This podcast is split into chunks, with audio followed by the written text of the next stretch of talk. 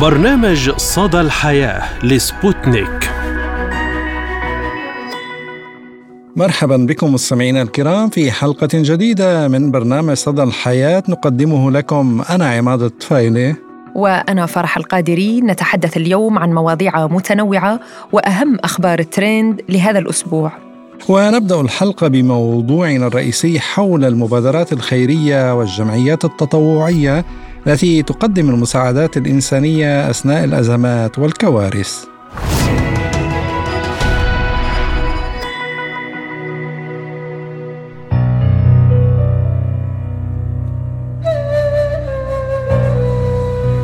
لم تهدأ الأوضاع السياسية والأمنية في عدة مناطق حول العالم منذ عشرات السنين بسبب الحروب والأزمات التي لم تخلف غير الدمار والكوارث في هذه الدول. الكوارث الإنسانية من تهجير ونزوح وأمية وفقر وبطالة وظروف إنسانية قاسية ولكن قد تقسو الطبيعة أحيانا على هذه الدول وفي ظل ما تعيشه فتحدث كوارثا طبيعية مثل الزلازل والفيضانات والجفاف وغيرها. زلزال تركيا وسوريا الزلزال الأخير الذي ضرب البلدين بقوة بلغت 7.8 درجات وشكل أسوأ كارثة طبيعية منذ مئة عام في أوروبا مخلفا عشرات الآلاف من القتلى وإصابة عشرات الآلاف من الأشخاص بينما يصارع آخرون تحت الأنقاض للبقاء على قيد الحياة. دائما ما تولد الحلول من رحم الأزمات وتظهر مواقف الآخرين في الشدائد والنكبات. وعلى هذا المبدأ تتعامل الدول إذا ما وقعت بها كوارث إنسانية أو طبيعية. دول قد تسارع إلى مد يد العون وتكون في الصفوف الأولى المبادرة بالمساعدات الخيرية والإغاثية والإنسانية بحكم الإنسانية من جهة والحليف الصديق من جهة أخرى. ودول أخرى قد تقف منتظرة إشارة خضراء أو حمراء وأخرى قد لا تبدي أي ردة فعل مهما كان الحدث. وهنا وفي هذه الكوارث الطبيعية التي لا دخل للإنسان فيها لا شيء يتكلم ويدفع بنا للمساعدة غير إنسانيتنا وضميرنا الإنساني لا السياسة ولا المصالح ولا شيء آخر.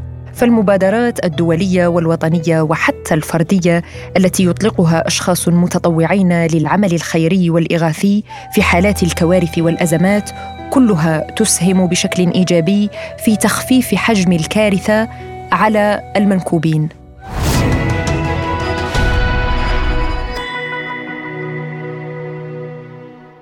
وحتى نتحدث أكثر عن دور المبادرات الخيرية الجمعوية والفردية والجمعيات التطوعية الإنسانية والإغاثية. نستضيف معنا من بيروت الناشطة اللبنانية سارة الفواز. أهلا وسهلا بك سيدة سارة وشكرا لك على تواجدك اليوم معنا وعلى هذه المبادرة الخيرية والإنسانية. أبدأ معك من هذه المبادرة التي أطلقتها. هل لك أن تتحدثي لنا قليلا عن هذه الخطوة الإنسانية نحو مساعدة الآخرين وقت الكارثة والأزمة. أول شيء شكرا لكم. أنكم هيك سألانين عن الموضوع. وأنا كثير مبسوطة إنه اللبنانية كثير عم بيتفاعلوا آه، مع الأزمة اللي صارت بسوريا خاصة نحن بلدين مارقين بأزمة كثير اقتصادية كثير صعبة.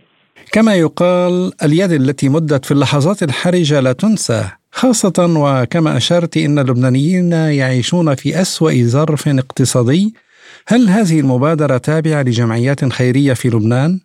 مضبوط أول شيء بدي أقول أنه هيدي المبادرة كانت مبادرة فردية. نحن مش جمعية ونحن ما دخلنا بأي طرف سياسي. يعني نحن ما بنفهم أصلا بموضوع السياسي استخدمنا مواقع التواصل الاجتماعي تنجمع بعضنا صبايا آه، كرمال آه، نوعي الناس إنه لازم نساعد آه، إخواتنا بسوريا. فاللي صار إنه نزلت فيديو وما كنت متوقعة إنه ياخذ هالقد ردة فعل كثير حلوة واللبنانية يعني آه، حسيت إنه كلهم تحمسوا إنه يساعدوا بهيدا بهالشكل الكبير لو وصلنا لبعثنا على آه، منطقتين اللي هن اللدقية والجبلة 15 شاحنة من لبنان. نعم يعني مثل ما قلتي هي مبادرة فردية.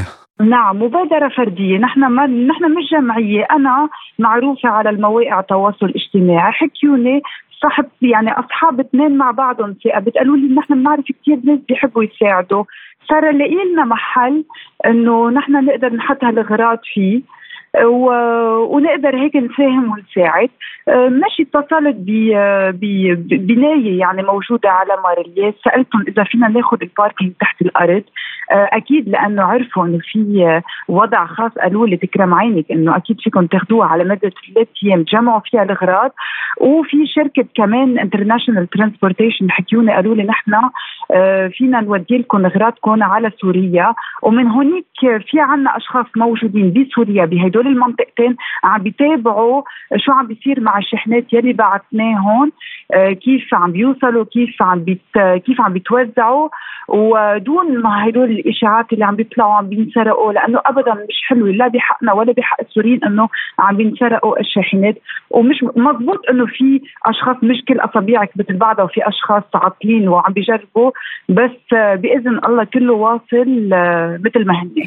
سيدة سارة يعني في توقيت الأزمات و مساعدة المجتمع المنكوب كيف ترين تأثير هذه المبادرات الإنسانية والإغاثية سواء كانت فردية أو من قبل جمعيات تطوعية؟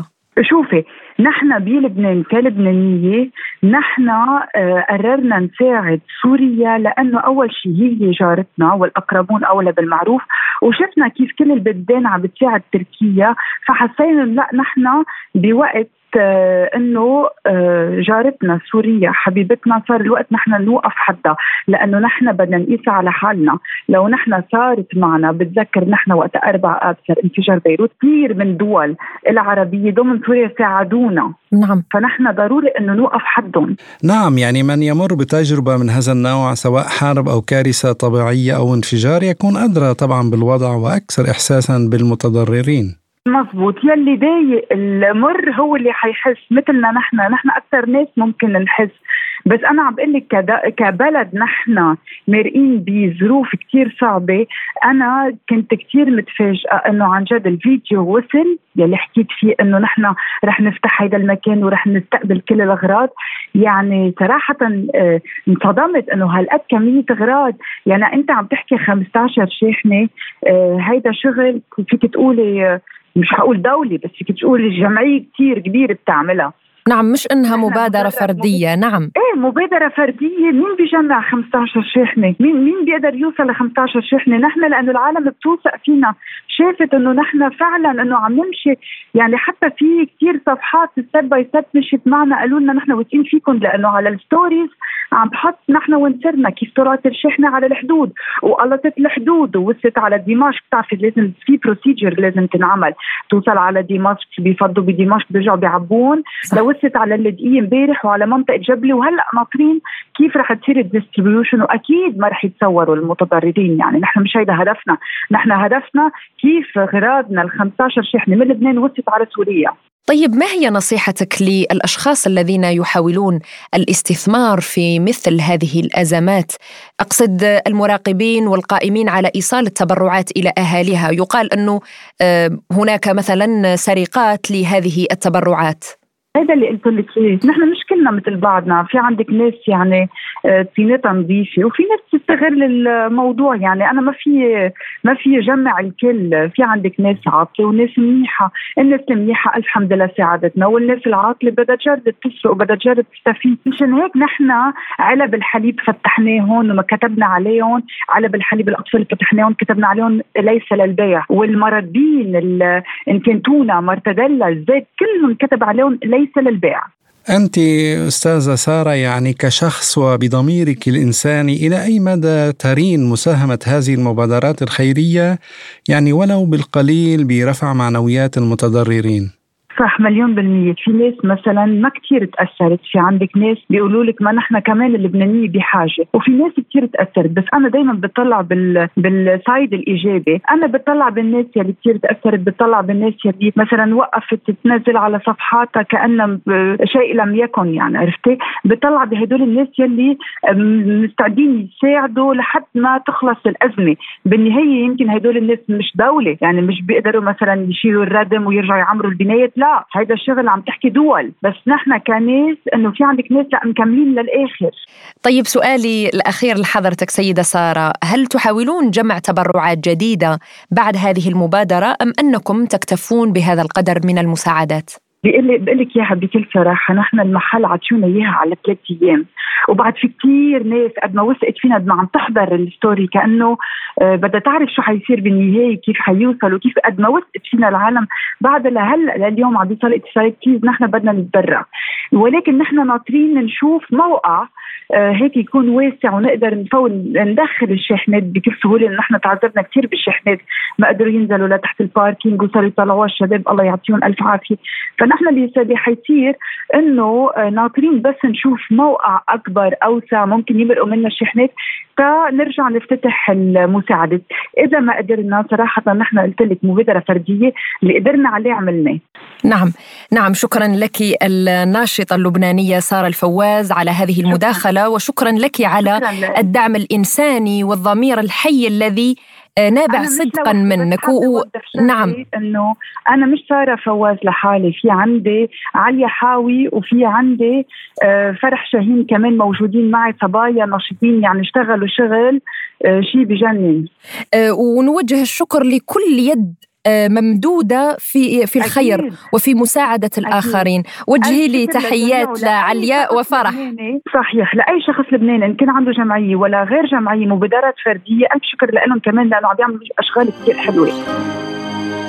ولآخر لحظة اصنع معروفا واغرس فكرة.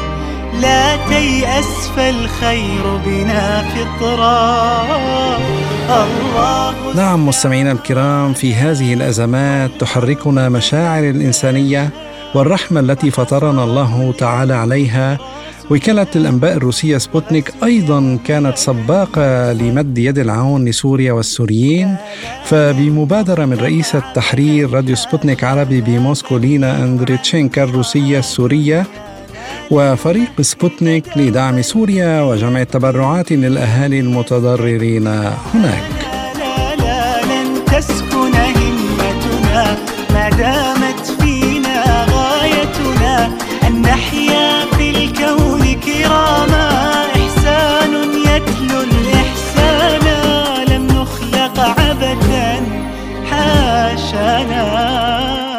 За два дня мы собрали почти две с половиной тонны гуманитарного груза для Сирии. لقد جمعنا خلال خمسة أيام ما يقرب من ستة أطنان من المساعدات الإنسانية لسوريا ليس هذا فقط.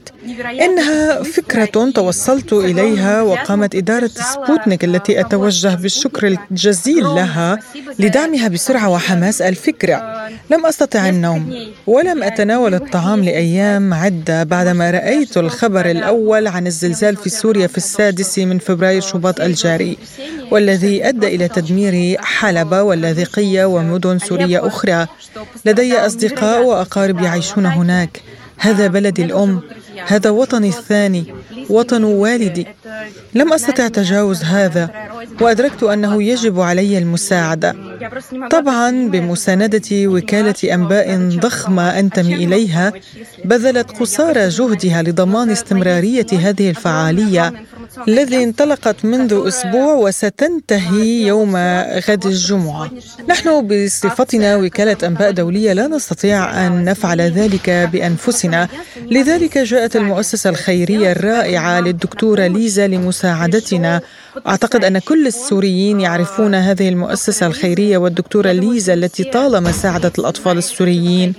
لقد استجابت الجمعية الخيرية لدعوتنا عندما طلبنا منها المساعدة وزودتنا بالمباني والعاملين الذين بادلونا تجربتهم وخبرتهم في تنظيم الفعاليات الخيرية. وبمجرد أن نجمع كل الصناديق سنرسلها إلى سوريا ونعدكم أنها ستصل إلى المحتاجين إليها. هي عبارة عن ملابس دافئة حفاضات أطفال وأيضا للكبار السن. ملابس أطفال أكياس نوم أفرشة وسائد. كل شيء هنا من أعواد الثقاب إلى الخيام. نأمل حقا أنه عندما تصل هذه الشحنة لسوريا سيشعر الشعب السوري بالتحسن ولو قليلا ونساهم بتخفيف هذه المعاناة عنه. في كل دقيقة ترن هواتفنا وتطرق أبواب الجمعية الخيرية ليقدمون لنا الصناديق الضخمة وفيها كل ما يحتاج إليه جميع السوريين. هذا مؤشر على لطف كبير وطيبة لا تصدق من قبل الشعب الروسي وجميع المساهمين في هذا العمل الخيري. يسالنا الجميع ماذا نحتاج؟ هل نحتاج مواد محددة؟ هل نحتاج لمتطوعين للمساعدة؟ آمل أنه بفضل هذه الشحنة سيشعر كل السوريين بالدفء وفره الطعام. نحن فعلا لم نستطع أن نغمض أعيننا عن هذه الكارثة.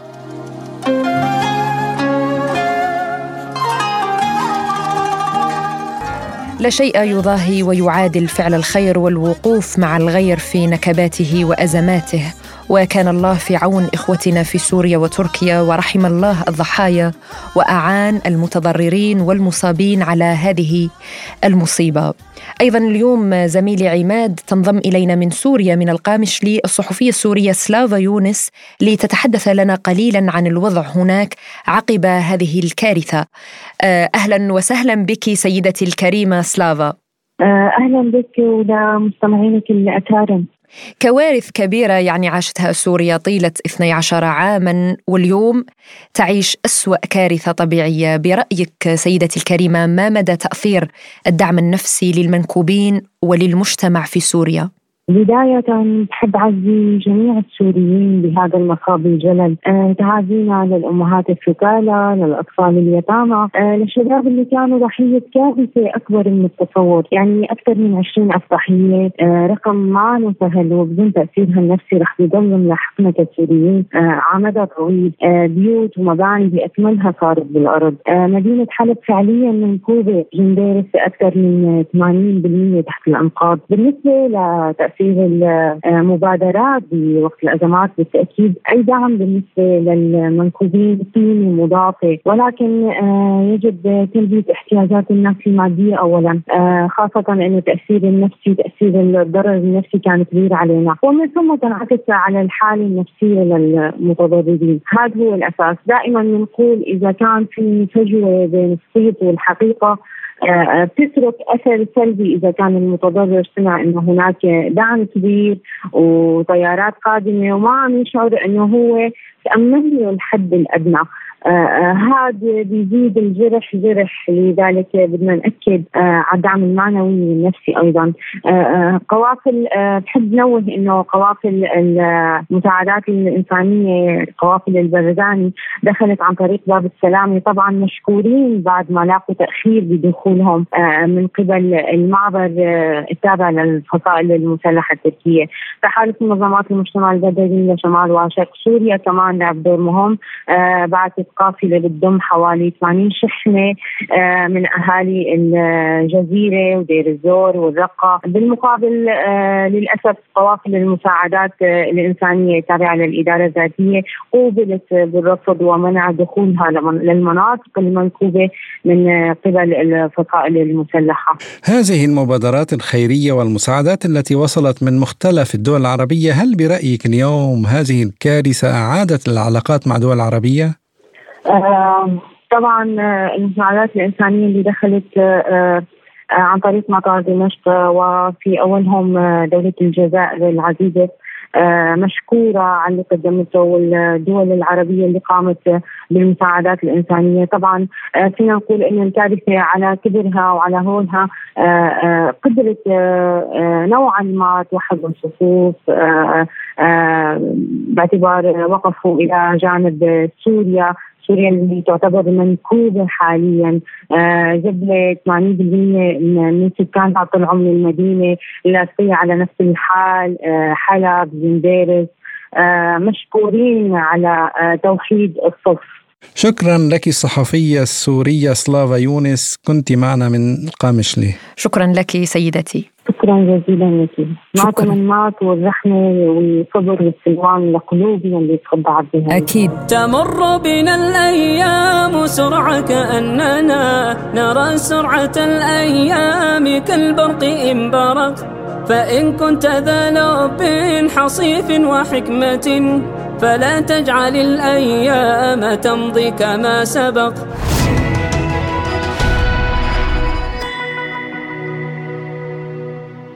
نواصل مستمعينا الكرام معكم حلقة اليوم بأهم الأخبار التي كانت ترند لهذا الأسبوع وما هو أول خبر لديك يا عماد؟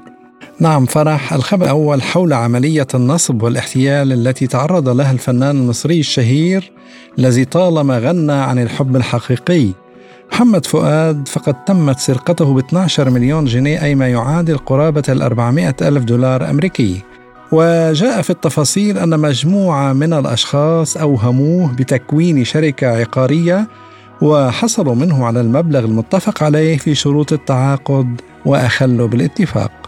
وينتهب به أي شخص صح إلى مثل هذه الجماعات التي تستهدف شخصيات معينة للنصب والاحتيال عليها. الخبر الثاني هو كذلك في المجال الفني، الفنانة علا غانم المصرية فاجأت متابعيها بكتابة استغاثة عبر صفحتها على إنستغرام تفيد بتعرضها للضرب هي وأسرتها وطردهم من منزلهم وعبرت وقالت استغاثة إلى المركز القومي لحقوق المرأة مايا مرسي أنا علا غانم أتعرض للعنف والقهر والطرد. من منزلي وأتعرض لمؤامرة وبلطجة وتهديد لي ولأسرتي بالكامل أغيثوني. هي كشفت في آه، يوم الجمعة الماضي أنها تتعرض لهجوم عنيف من قبل بلطجية وحتى تم بث صورة لها وهي ترقد في المستشفى وإدعت حسب قولها أنه من طرف زوجها. وذكرت أنها رفعت دعوى الخلع ضد زوجها منذ شهور وتتعرض لتهديدات مستمرة بالتشويه بماء النار والضرب بالمولوتوف مشيرة إلى أنها تقدمت ببلاغ للأجهزة الأمنية ضده وضد البلطجية الذين استعان بهم. فيما ينفي زوجها تلك الاتهامات المنسوبة إليه وقال إنه تعرض للضرب من بلطجية أحضرتهم الفنانة للاستيلاء على الفيلا التي كانت مخصصة كمنزل الزوجية لهما في مصر ما تسبب له بكسور وقطع في يده. وأن زوجته الفنانة تحت تأثير المخدرات وطلب من المحققين أن يفحصوا ذلك كما طلب منها سرعة العلاج من الإدمان حسب قوله. وللأسف يعني الفضائح العائلية والمشاكل الأسرية يعني عندما تخرج إلى العلن وتبدأ يعني شيء فعلا يثير ويؤذي الشفقة. ويؤذي الطرفين. يعني دائما آه، وسائل التواصل الاجتماعي صارت آه، مثل ما آه، يقال حبل لنشر غسيل نعم. العلاقات الزوجية بين غسيل الوسخ مش الغسيل النظيف. نعم نعم. حتى حتى النظيف يعني هناك علاقة زوجية يجب أن تكون هناك قدسية وحرمة للزوجين. مش بالضرورة كل العالم يرى ويسمع عن هذه العلاقات. من المشاكل إلى في العلاقات الزوجية إلى عيد الفالنتاين لهذه السنة. اعتدنا آه، مستمعينا الكرام أن نرى صور الهدايا والقلوب والورود الحمراء التي تملأ حسابات رواد مواقع التواصل الاجتماعي ولكن في المغرب والمملكة المغربية الهدايا وباقات الورود من نوع آخر. يعني كما في لبنان يعني ليست المغرب وحدها. ولكن طب... هذه المرة بالتحديد في المغرب آه، الخبر لديك يا عيمان نعم. باقة مليئة بالطماطم وأخرى بالثوم وأخرى بالفلفل والبروكلي. غلاء الأسعار في المغرب دفع بالأزواج والعشاق إلى استخدام سلاح السخرية لمواجهة هذا الغلاء في الخضار. ويعيش المغاربة ارتفاعا قياسيا في أسعار الخضار فكيلوغرام واحد من البصل أو من الطماطم أو من البطاطس التي هي من أهم الخضار في المطبخ المغربي. لا يقل عن 12 درهما مغربيا أي حوالي دولارا ونصف لكل كيلوغرام كما أن كيلو اللحم يصل إلى 120 درهما مغربيا أي ما يعادل تقريبا 12 دولارا أمريكيا. والخبر الأخير عن دراسة استمرت لمدة ثمانية عقود توصلت إلى أن العلاقات الاجتماعية الإيجابية وليس الثروات ولا المناصب هي التي تجلب السعادة وتؤسس لعمر أطول بدون أمراض. شرع باحثو جامعة هارفارد عام 1938 في دراسة استمرت لعقود لمعرفة ما الذي يجعلنا سعداء في الحياة. وهذا السؤال دائما ما نوجهه لأنفسنا زميل عماد يعني نقول ما هو الشيء الذي قد يسعدني ويصلني إلى درجة أن آه، أرضى وأكتفي وأقول أنا إنسان سعيد. الباحثون عكفوا على جمع البيانات والسجلات الصحية من 724 مشاركا من جميع أنحاء العالم وقاموا بطرح أسئلة مفصلة حول حياتهم كل عامين على مدى 85 عاماً. أنا شخصيا رأيي أنه السعادة تنبع من أي إنسان تنبع من خلال تفكيره من خلال طريقة حياته من خلال يعني كيف إذا كان له هدف مثلا جمع المال فلن يكون سعيدا أبدا في حياته لأنه هذا هدف غير لن يستطيع تحقيقه. يعني يبقى الشيء أنه يرضى الإنسان ببعض, ببعض الأمور. طبعا على عكس الاعتقاد الشائع لم يكن سبب السعادة إنجازا مهنيا أو مالا أو تمرينا رياضيا أو نظاما غذائيا صحيا.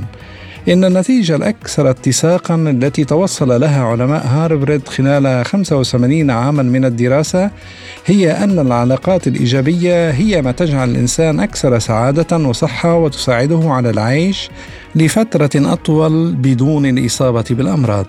يعني نعم مستمعينا الكرام أنا هنا أريد أن أشير إلى نقاط مهمة في تقييم إيجابية العلاقات أو سلبيتها. يقول الكاتب البروفيسور روبرت جالدنجر أستاذ الطب النفسي في كلية الطب بجامعة هارفارد في كتابه The Good Life إنه كل فرد في المجتمع لا يستطيع توفير كل ما يحتاجه لنفسه إننا كأفراد بحاجة إلى الآخرين للتفاعل معنا ومساعدتنا. ويوجد في العلاقات الاجتماعية الحياتية سبعة أركان أساسية للدم للدعم. أولها هو الأمن والأمان. يعني في حالات بمن سيتصل الشخص إذا استيقظ خائفا في منتصف الليل إلى من يتجه لطلب الدعم في لحظة الأزمة. التعلم والنمو. من الذي يشجع الشخص على تجربة أشياء جديدة واغتنام الفرص ومتابعة أهداف حياته؟